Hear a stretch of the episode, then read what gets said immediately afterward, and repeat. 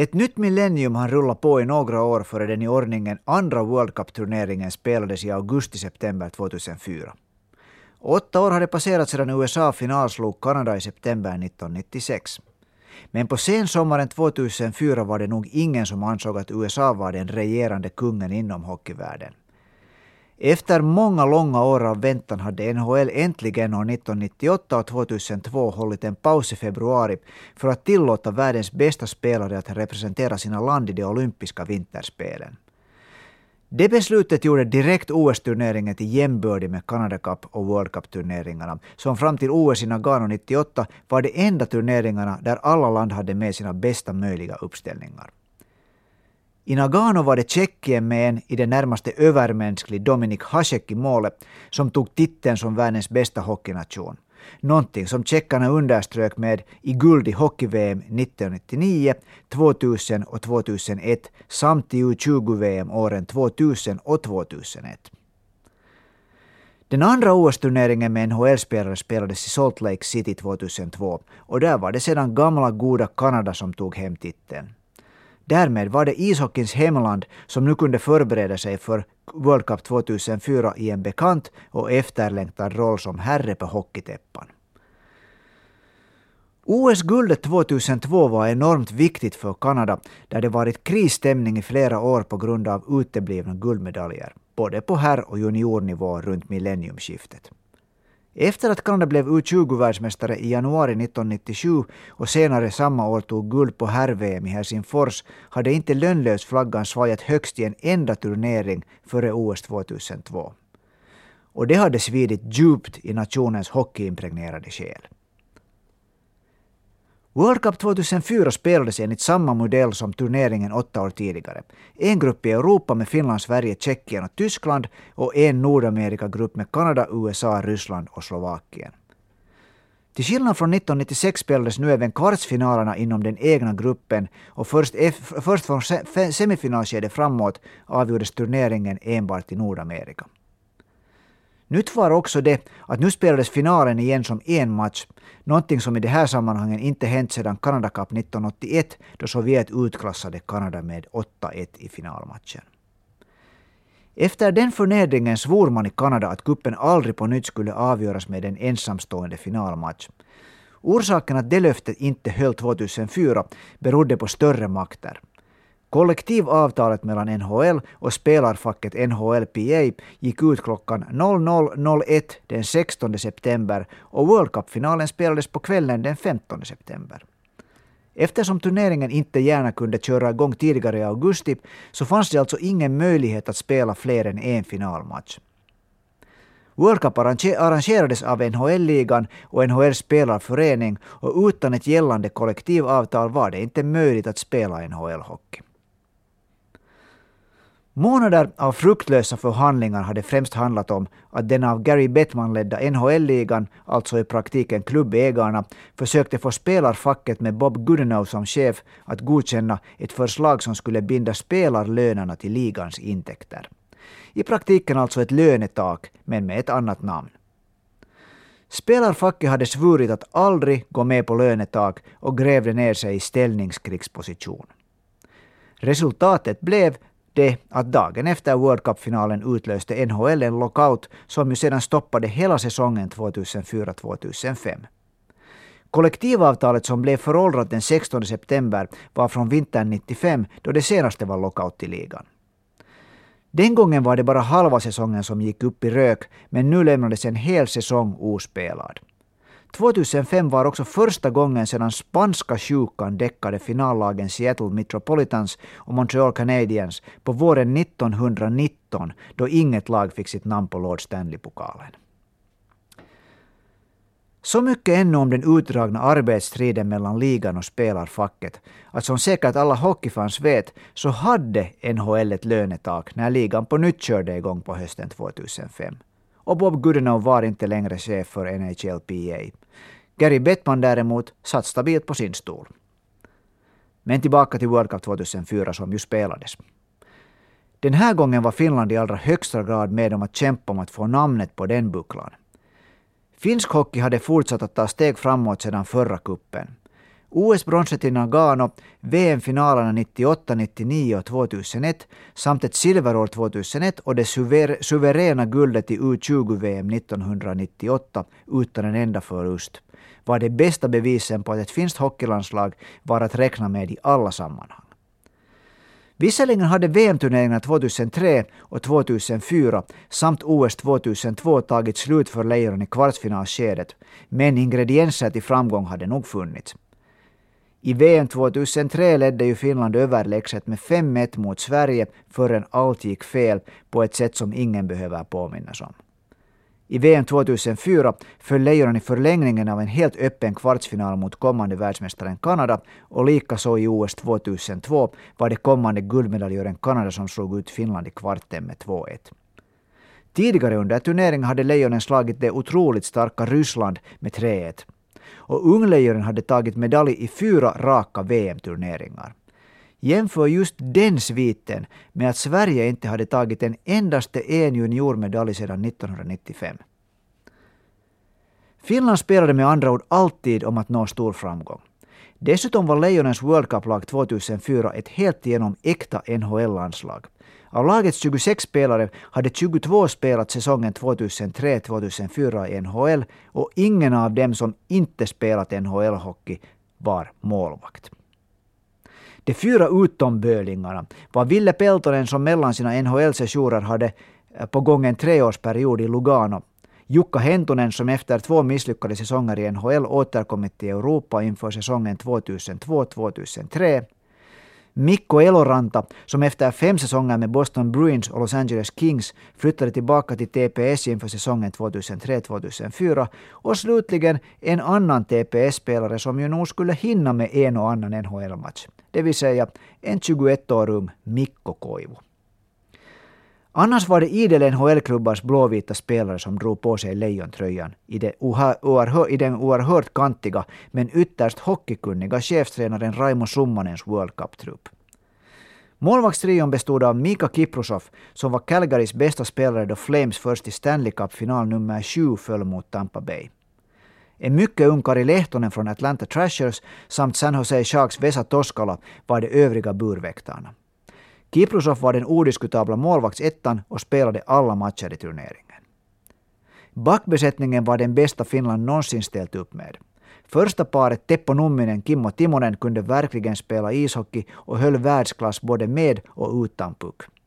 I andra paret spelade för det mesta det, den nära två meter långa defensivt mycket pålitliga Vancouver-kanacken, Sami Salo och en annan över 190 cm lång defensiv bjässe, Ossi Väänänen, som under våren flyttat från Phoenix till Colorado. Salo hade möjligtvis världens hårdaste slagskott. Otroligt synd att hans vinande missiler kunde hamna precis vart som helst. De defensiva kvaliteterna var också styrkan hos tredje backduon som bestod av 191 cm och 100 kg tungt tacklande Aki-Petteri Berg från Toronto Maple Leafs i par med Calgary Flames färska Stanley Cup-finalist. Lahtisatleten Toni Lydnan som måste tävla om titeln som den mest stabilt presterande finska toppbacken någonsin. Och för att slänga en klyscha, den mest underskattade. Lydman var en klippa. Alltid i alla sammanhang. Även Janne Niinima ingick i början av turneringen i den, i den spelande uppställningen, men mera om hur det gick med honom lite senare. Anfallskedjorna hade Summanen och Erkka Westerlund konstruerat enligt ett välbeprövat koncept. Två offensiva kedjor, en våldsamt skridskoåkande så kallad energikedja och en fysiskt kämpande viljekedja med starka defensiva kvaliteter. Första kedjan var den som bildades under succéturneringen i OS 1998 och nådde sin högsta kapacitet i OS 2006. Jere Lehtinen, Saku Koivu, Teemu Selänne. Tvivelsutan den bästa lejonkedjan till dags dato i vår hockeyhistoria. Tyvärr var den långt ifrån att vara på topp hösten 2004. Saku Koivu var visserligen på bettet, men Teemu Selänne sparkade omkring i praktiken på ett ben och Jere Lehtinens rygg var i sådant skick att han på alla andra arbetsplatser skulle ha skickats på sjukledighet. Att Selänne och Lehtinen spelade turneringens samtliga matcher på hyfsad nivå är varken mer eller mindre än ett medicinskt underverk. Vågar inte ens tänka på mängden antiinflammatoriska piller som duon käkade under turneringen. Andra kedjan konstruerades kring den snart 26 år gamla centern Olli Jokinen som hittat sin toppnivå i Florida. Den storväxta OJ hade utvecklats till en mycket bra avslutare i närheten av målgården. Det vill säga på det området som de flesta stora matcher avgörs och där de finska forwards oftast inte haft något att hämta mot nordamerikanska NHL-proffs. Ville Peltonen blev Jokinens ena ytter, ett samarbete som också det skulle fungera bra även i framtiden. Den levande 21-åriga kanonkulan Chicago Blackhawks första omgångsval Tuomo Ruutu kompletterade den erfarna Jokinen-Peltonen-duon. Ruutu Junior hade skjutit 23 mål under sin första NHL-säsong och var kanske just i september 2004 bättre än han någonsin mera skulle bli. Ännu hade de ständiga skadorna inte ätit upp en stor del av den för honom så livsviktiga farten på skridskorna. Tredje kedjan leddes av ishockeydatorn Niko Kapanen, som ännu idag som är skulle kunna vara aktuell för World Cup 2016 om han inte självmant sagt adjö till landslaget för några år sedan. På hösten 2004 hade då 26 år gamla Kapanen den tredje av sammanlagt fyra säsonger i Dallas Stars bakom sig. Småväxta Kapanen gjorde aldrig något riktigt starkt genombrott i NHL, men frågan är om det berodde mera på honom än på att hans tränare i NHL inte såg hans odiskutabla kvaliteter. I landslaget presterade nämligen Niko Kapanen gång på gång ypperligt och i konkurrens med världens absolut bästa spelare. Kapanen fick som yttrar fartvindudrand Niklas Hagman samt Jukka Hentunen, som redan i HPK flera år tidigare spelade i samma succékedja med Kapanen. Både Hagman och Hentunen var bra målskyttar och kunde tack vare sitt starka skridskoåkande flytta spelet till motståndarens försvarsområde och åstadkomma teckningar i anfallszonen. Mikko Koivu och Colorado Avalanche hårt arbetande fjärde eller femte center Riku Hall delade på ansvaret som fjärde center i World Cup-laget. NHL-spelaren Hall tog över när Lejonen mötte de nordamerikanska lagen. Hans attityd och vilja att ta smällar var något som coach Summanen älskade. På ena flanken i fjärde kedjan fanns under hela turneringen Mikko Eloranta och som andra ytter turades Jarkko Ruutu och Ville Nieminen. Den enormt plikttrogne Eloranta var precis som Hal en spelare som Summanen verkligen gillade. En kille som levererade det man beställde. Jarkko Ruutu och Ville Nieminen var en spelare som var specialiserade på att äta upp spelglädjen, spelglädjen av motståndarna. Besvärliga att möta, speciellt i små rinkar. Nieminen vann Stanley Cup med Colorado 2001. Nemo hade dessutom varit en viktig rollspelare i Calgary Flames som några månader före World Cup förlorade Stanley Cup-finalen först i sjunde och avgörande matchen. I sommarens lag fick han ändå spela endast två hela turneringsmatcher. Jarkko Ruutu sin sida hade svårt att spela enligt det möjligast utvisningsfria spelsätt som summanen krävde och därför bänkade han Ruutu i två repriser under turneringen.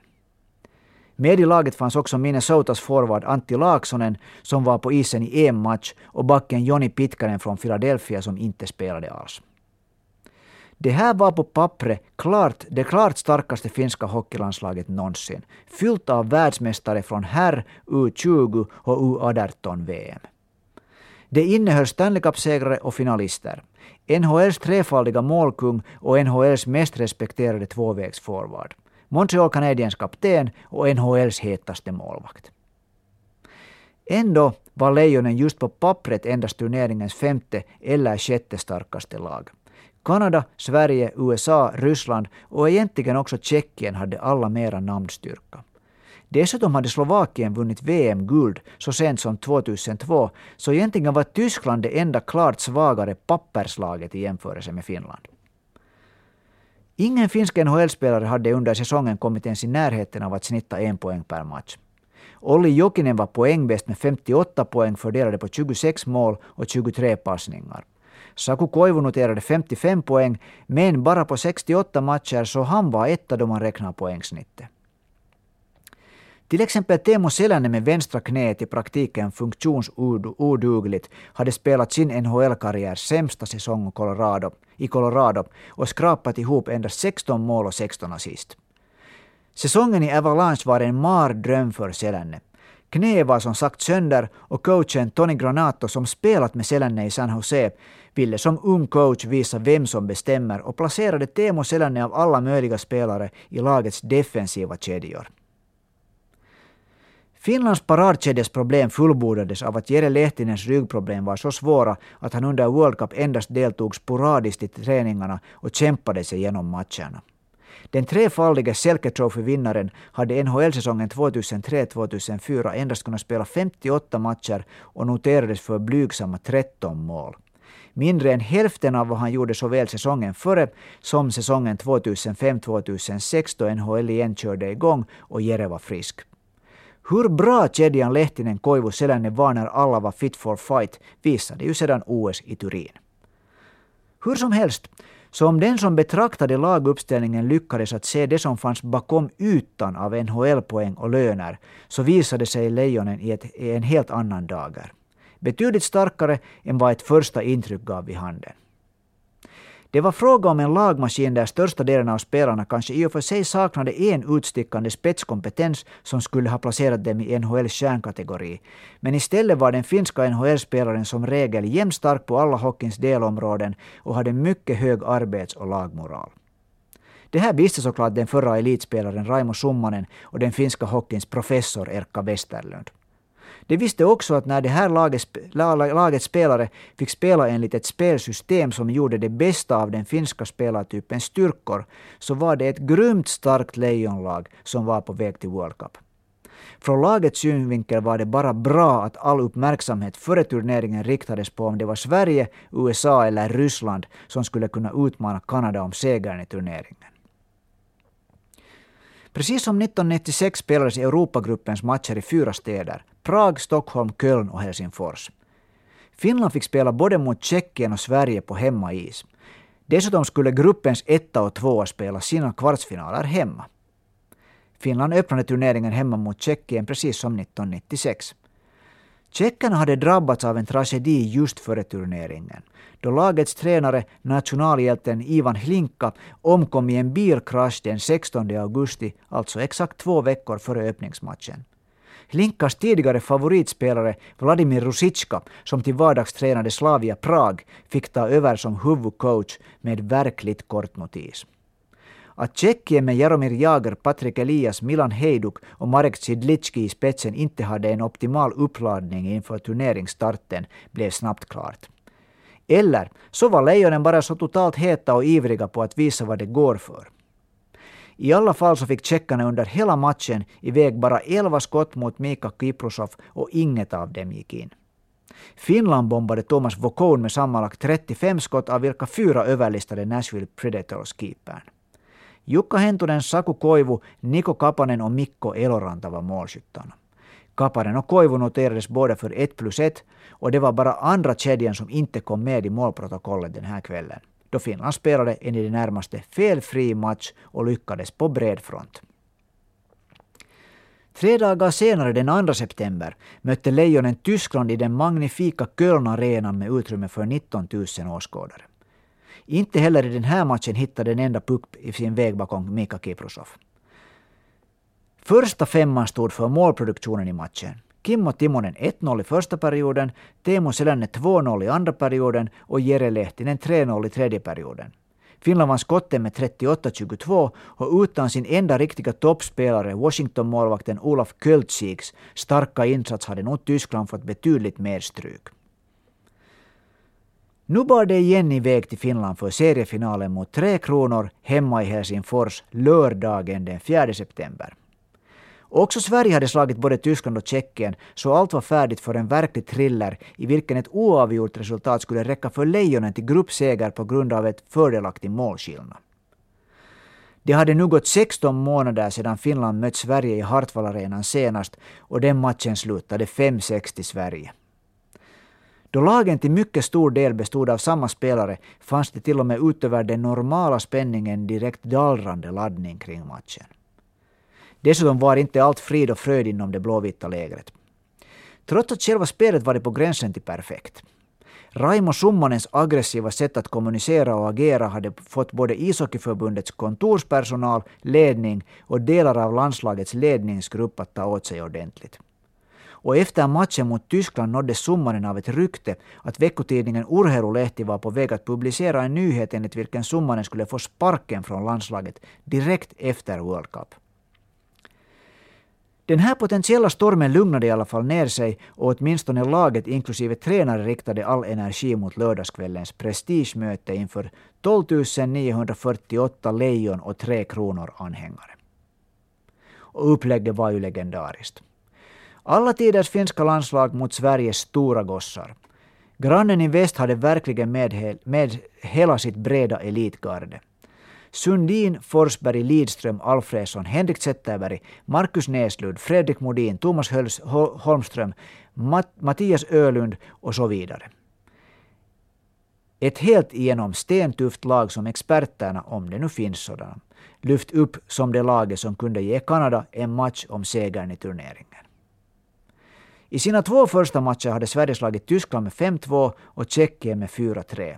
Båda matcherna spelades i Globen. Målvakterna var den enda lagdelen i Tre Kronor som inte ens med bästa vilja kunde kallas världsklass. Henrik Lundqvist spelade ännu elitseriehockey i Göteborg. Tommy Salos karriär var på väg nedåt och han hade bakom sig sin sista NHL-säsong. Som resultat av det här var det Mikael Tellqvist, till vardags målvakt i Torontos farmarlag, som fick agera första målvakt i World Cup. Direkt när drabbningen kom igång fick Tellqvist det hett om öronen.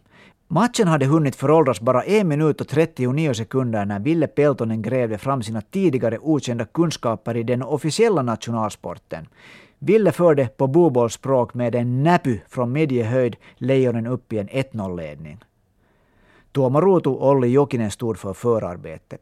Med andra ord var Finlands andra kedja nu äntligen med i målprotokollet. Fortsättning följde. 4.34 spelat och i spel 5 mot 4 sköt Ossi Väänänen ett rungande slagskott förbi Tellqvist. 2-0 och lördagskvällen i Finland såg ut att bjuda Sveriges superlag på en risbastu. Första perioden var ändå inte över på långt när. I matchens elfte minut tog Niklas Hagman en utvisning, vilket bara inte fick hända mot det här svenska laget. Sveriges powerplay femma kunde till exempel bestå av Niklas Lidström, Mats Sundin, Daniel Alfredsson, Peter Forsberg och Fredrik Modin. Att spela med decimerat lag mot en sådan kvintett var självmord. Och mycket riktigt, under Hagmans utvisning reducerade tre kronor genom Fredrik Modin. Genast i nästa anfall slog ändå Saku Koivu med ryggen mot Tellqvist in ett backhandskott efter framspel av Selänne och Lehtinen. Finland ledde igen med två mål när 7 minuter och 14 sekunder återstod av period 1. Men de där utvisningarna. 17-24 spelat och Sverige hade fyra man mot tre. Sundin till Alfredsson, Alfredsson till Lidström och Lidström strax senare till avbytarbåset som målgörare. Och i sista minuten, en sekund efter att Finlands utvisning tog slut och Sverige i praktiken ännu spelade powerplay, kunde Fredrik Modin obevakad framför finska målet lyfta pucken via ribban i mål. 3-3 efter period 1. Med fem mot fem hade Finland fört spelet, men Sveriges powerplay var nu en gång för alla som en giljotin.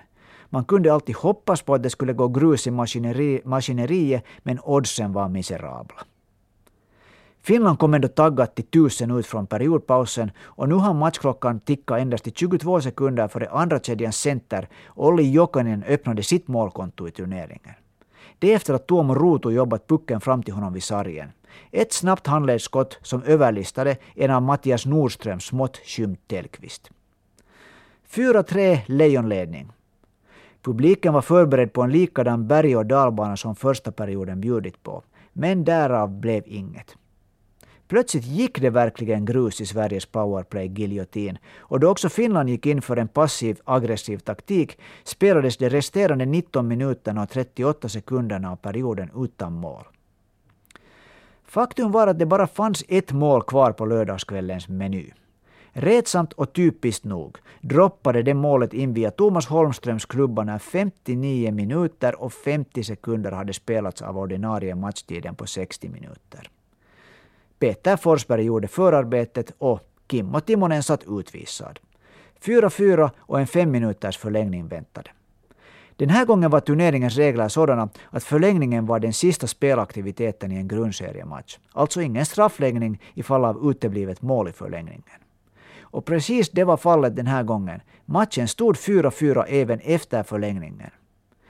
Lejonens bättre målskillnad betydde att ett, ett oavgjort resultat räckte för att Finland skulle vinna gruppen. Så Finland gjorde för en gångs skull det som brukat vara Sveriges specialitet.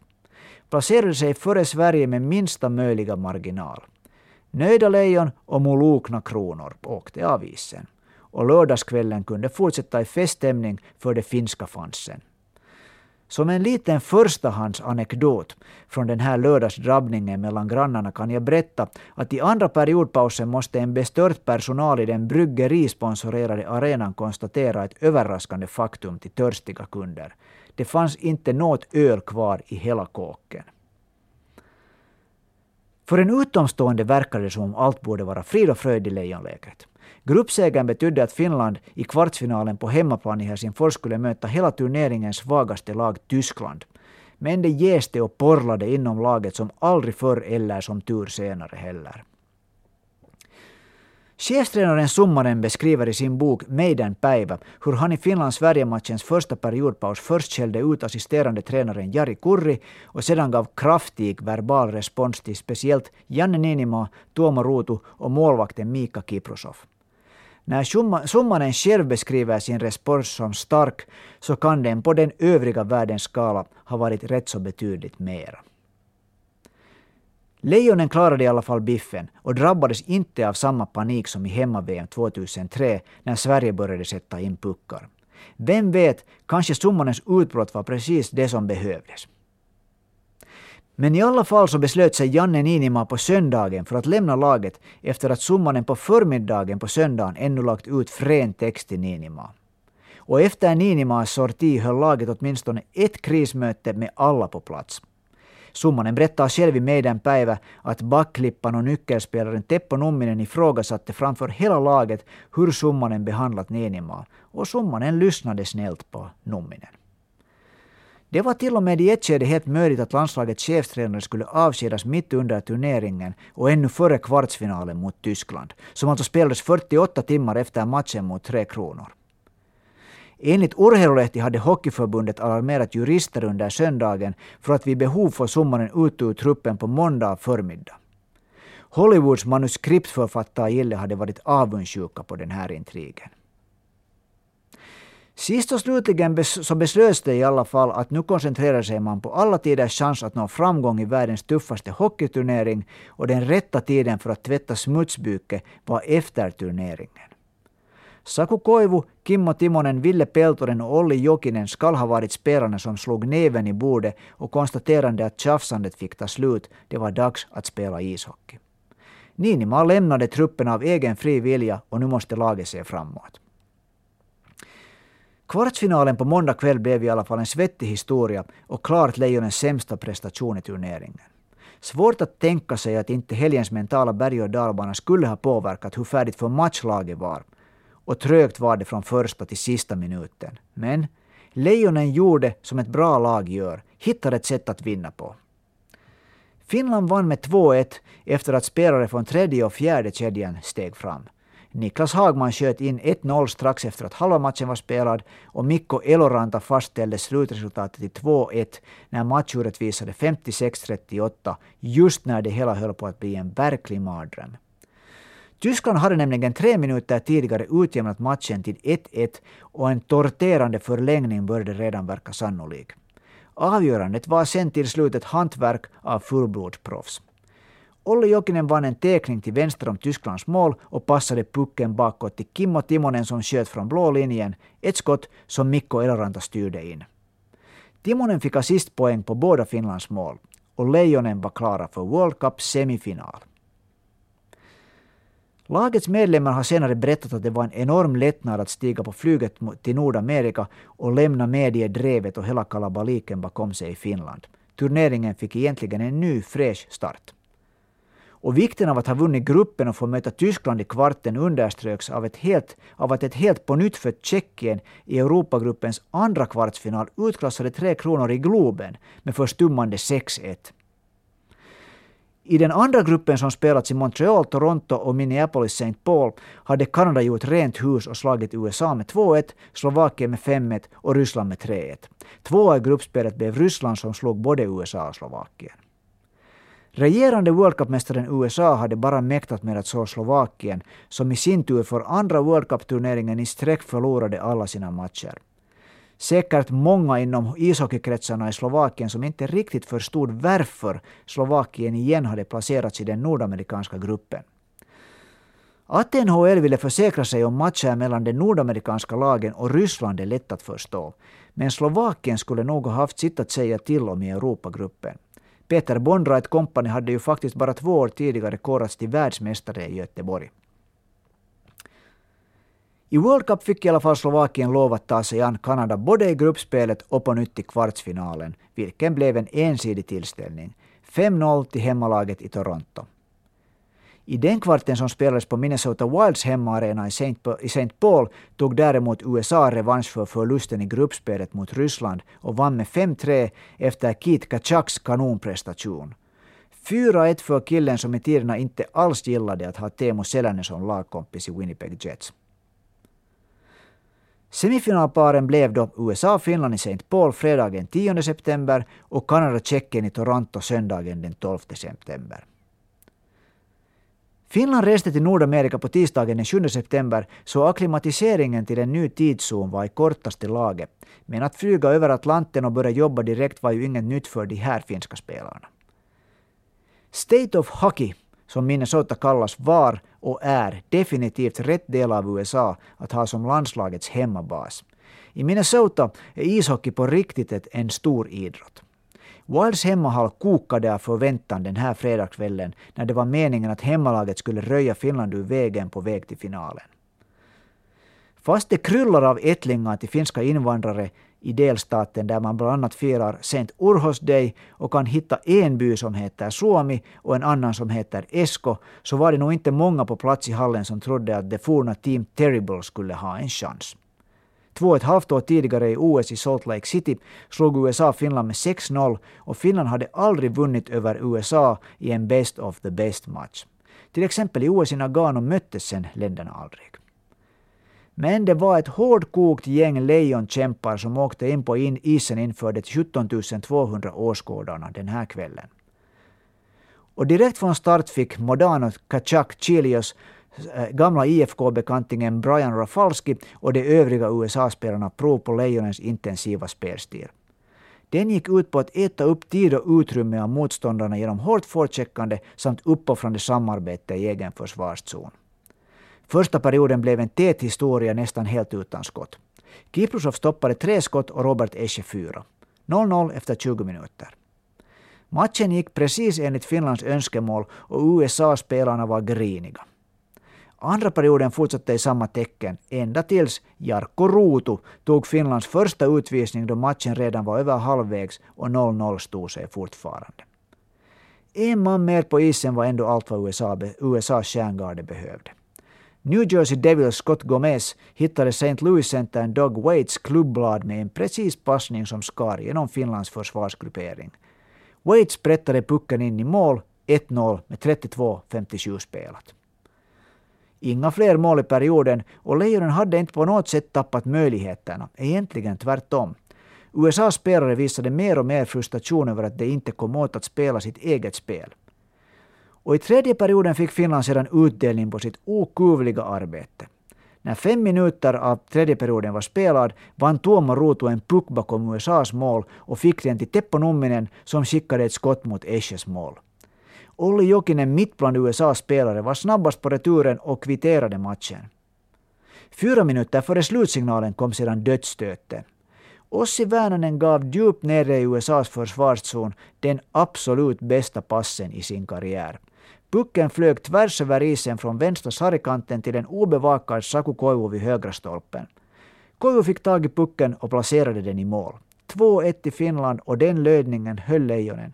Finland var klart för World Cup-final.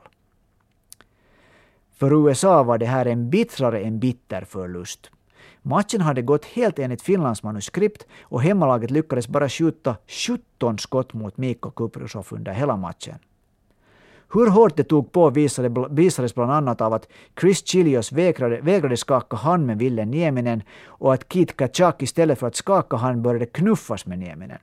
Lejonen hade minsann krupit in under skinnet på jänkarna. Senast USA-matchen fastställde vilken nyckelspelare Olli Jokinen blivit för Lejonen. Jokinen glöms ofta av någon orsak bort när man talar om de riktigt stora blåvita hockeyspelarna. I World Cup 2004 sköt han mot Sverige målet som säkrade Finlands gruppseger. I kvartsfinalen mot Tyskland vann han tekningen som ledde till segermål och i semifinalen var det OJs blixtsnabba skott som kvitterade matchen. Lägg till det här att Jokinen senare i OS 2006 sköt sex mål på åtta matcher, precis lika många som Teemu Selänne, och gjorde både kvitterings och segermålet i bronsmatchen i OS 2010. Hans facit i riktigt stora sammanhang är imponerande. Dessutom var han ju turneringens bästa spelare när Finland vann världsmästerskapet för under 20-åringar 1998 i Helsingfors. Olli Jokinen är för övrigt den enda finska spelaren utöver superduon Jari Kurri och Teemu Selänne som noterat över 90 poäng under en NHL-säsong. I World Cup 2004 var nu i alla fall Jokinen och det övriga Lejonlaget på väg för att spela World Cup-final i Toronto. Kanada och Tjeckien som gjorde upp om den andra finalplatsen befann sig redan i ishockeyvärldens huvudstad och drabbade samman på söndag kväll inför en publik på drygt 19 000 kanadensiska och några enstaka tjeckiska fans. Men om Tjeckien var i underläge på läktarna så var laget på gång. 6-1 mot 3 Kronor i Stockholm var inte ett misstag. Det är inte ofta som Kanadas bästa möjliga landslag förlorar skottstatistiken och får tacka sin målvakt för segern. Men så var fallet den här kvällen i Toronto. Roberto Luongo räddade hela 37 skott mot 20 för Thomas Vukon. Och då hade Kanadas segervissa coach Pat Quinn placerat andra målvakten Luongo i mål för att låta ettan Martin Brodeur vid det vila inför finalen. Det var Luongos enda match i turneringen men den kunde han definitivt vara nöjd med. 3-3 slutade ordinarie matchtid och när förlängningen kom igång så hamnade Luongo under de första drygt tre minuterna göra hela fem paradräddningar. Före Kanada fick sitt första skott mot tjeckernas mål. Det skottet gick sedan visserligen in och färska Stanley Cup-segraren Vincent Le Cavalier kunde lyfta händerna mot skyn som målskytt och hela Kanadas hjälte. Tjeckerna var lika brutna som Tre Kronor åtta år tidigare i samma situation. Just när Kanada var tvingat till repen så slog laget till som en blixt från klar himmel. Eller som den här gången, som en Tampa Bay Lightning. Lönlöven var lite för självgoda inför semifinalen och höll nästan på att få betala priset. Men igen en gång, bara nästan. Och följande match gjorde laget inte samma misstag i. Onsdagen den 15 september 2004 spelade Lejonen därmed den dittills mest prestigefulla matchen i den blåvita ishockeyns historia. World Cup-final mot Kanada i Toronto. Att nypa sig själv känns nästan nödvändigt ännu 12 år senare, men sant var det. Från att ha varit det vilsna amatörgänget bland proffs i den första Kanadakuppen 1976 och 1980-talets underpresterande Team Terrible till 1990-talets sporadiska uppstickare hade Finlands A-landslag nu tagit sig till hockeyns finaste möjliga rum utan att förlora en enda match och genom en lagprestation som kanske har borde ha döpt laget om till Team True Grit. Så svårspelat var Finland i mitten på 2000-talets första årtionde. Men som vi sett från och med år 2002 i tre OS-turneringar och en World Cup så kan Kanada, när det gäller, ta bort alla verktyg av samtliga övriga toppländer och helt enkelt inte ge en chans till motståndaren. Antagligen är det så att om Kanada skulle få ställa upp med sina två absolut bästa NHL-landslag i OS eller World Cup så skulle Kanada spela mot Kanada i finalen. Kanadas bästa landslag ställde upp mot Finland i World Cup-finalen 2004 med en uppställning som inte lämnar mycket att önska. I första kedjan spelade Jaromir Ginla, Joe Sakic och självaste Mario Lemieux. Ryan Smith, Vincent Lacavalier och Danny Heatley bildade andra kedjan. Tredje kedjans center Brad Richards hade Simon Gagné och Martin St. Louis på kanterna. Och i lagets så kallade defensiva kedja återfanns Chris Draper, Joe Thornton och Shane Doan. Huhu är väl ungefär det enda beskrivande uttrycket. Backparen, backparen var faktiskt något mänskligare. Robin Dreger, Scott Niedermayer, Eric Brewer, Adam Foote och Scott Hannan, J. Boomeister. Målet vaktades av en seriös kandidat till titeln alla tiders bästa målvakt, Martin Brodeur. Matchen som fick mängder av finländska entusiaster att bänka sig framför televisionen klockan 03 på natten hann inte pågå i mer än 52 sekunder före Mario Lemieux hittade Joe Sakic med en perfekt passning och Mr Clutch var inte sen att skjuta pucken förbi Mika Kiprosov. En mardrömsstart som mot Kanada brukade betyda en lång och olycklig tillställning. Men inte för det här lejonlaget. I matchens sjunde minut styrde grovjobbaren Riku Hall in ett skott av en annan arbetets hjälte, Tony Lydman. I och med det målet var första periodens målstatistik fullbordad och det var ingen Kiprusov stod på huvudet-period. Åtta räddningar för Kipper, sex för Brodeur. Tyvärr gjorde sedan koncentrationsfenomenet Kiprusov sin enda okoncentrerade insats i hela matchen när tre minuter och 15 sekunder spelats av andra perioden. Scott Niedermayer avancerade längs vänstra kanten och sköt ett långväga skott som slank förbi en helt oskymd Mika Kiprosov. Den pucken borde han definitivt ha tagit. En chock i början av perioden, men inte heller den här gången började matchen rinna iväg och målen droppa in i Finlands mål. Båda lagen fick iväg lika många skott mot mål, det vill säga 12, och båda lagen fick utdelning på ett av dem. Finlands mål kom via Tuomo Ruutus otroliga soloprestationer endast en minut återstod av period två. Ruutu den yngre plockade upp en passning av Tony Lydman i mittzonen och därefter gjorde han bort i tur och ordning Simon Gagné, Shane Doan och Scott Niedermayer för att till slut skjuta ett vasst handledsskott förbi Martin Brodeur. Det var antagligen turneringens snyggaste mål och i vilket läge. Två perioder spelat och matchen stod 2-2. När den tredje perioden startade så visade Kanada för ungefär miljonte gången hur starkt laddade Lönnlöven är från första teckning. Igen hamnade Lejonen i underläge direkt. Teemu Selänne förlorade puck vid sargen inne i Finlands försvarszon och John Thornton hittade en helt fri Shane Doan framför buren. 3-2 till Kanada när endast 34 sekunder var spelat.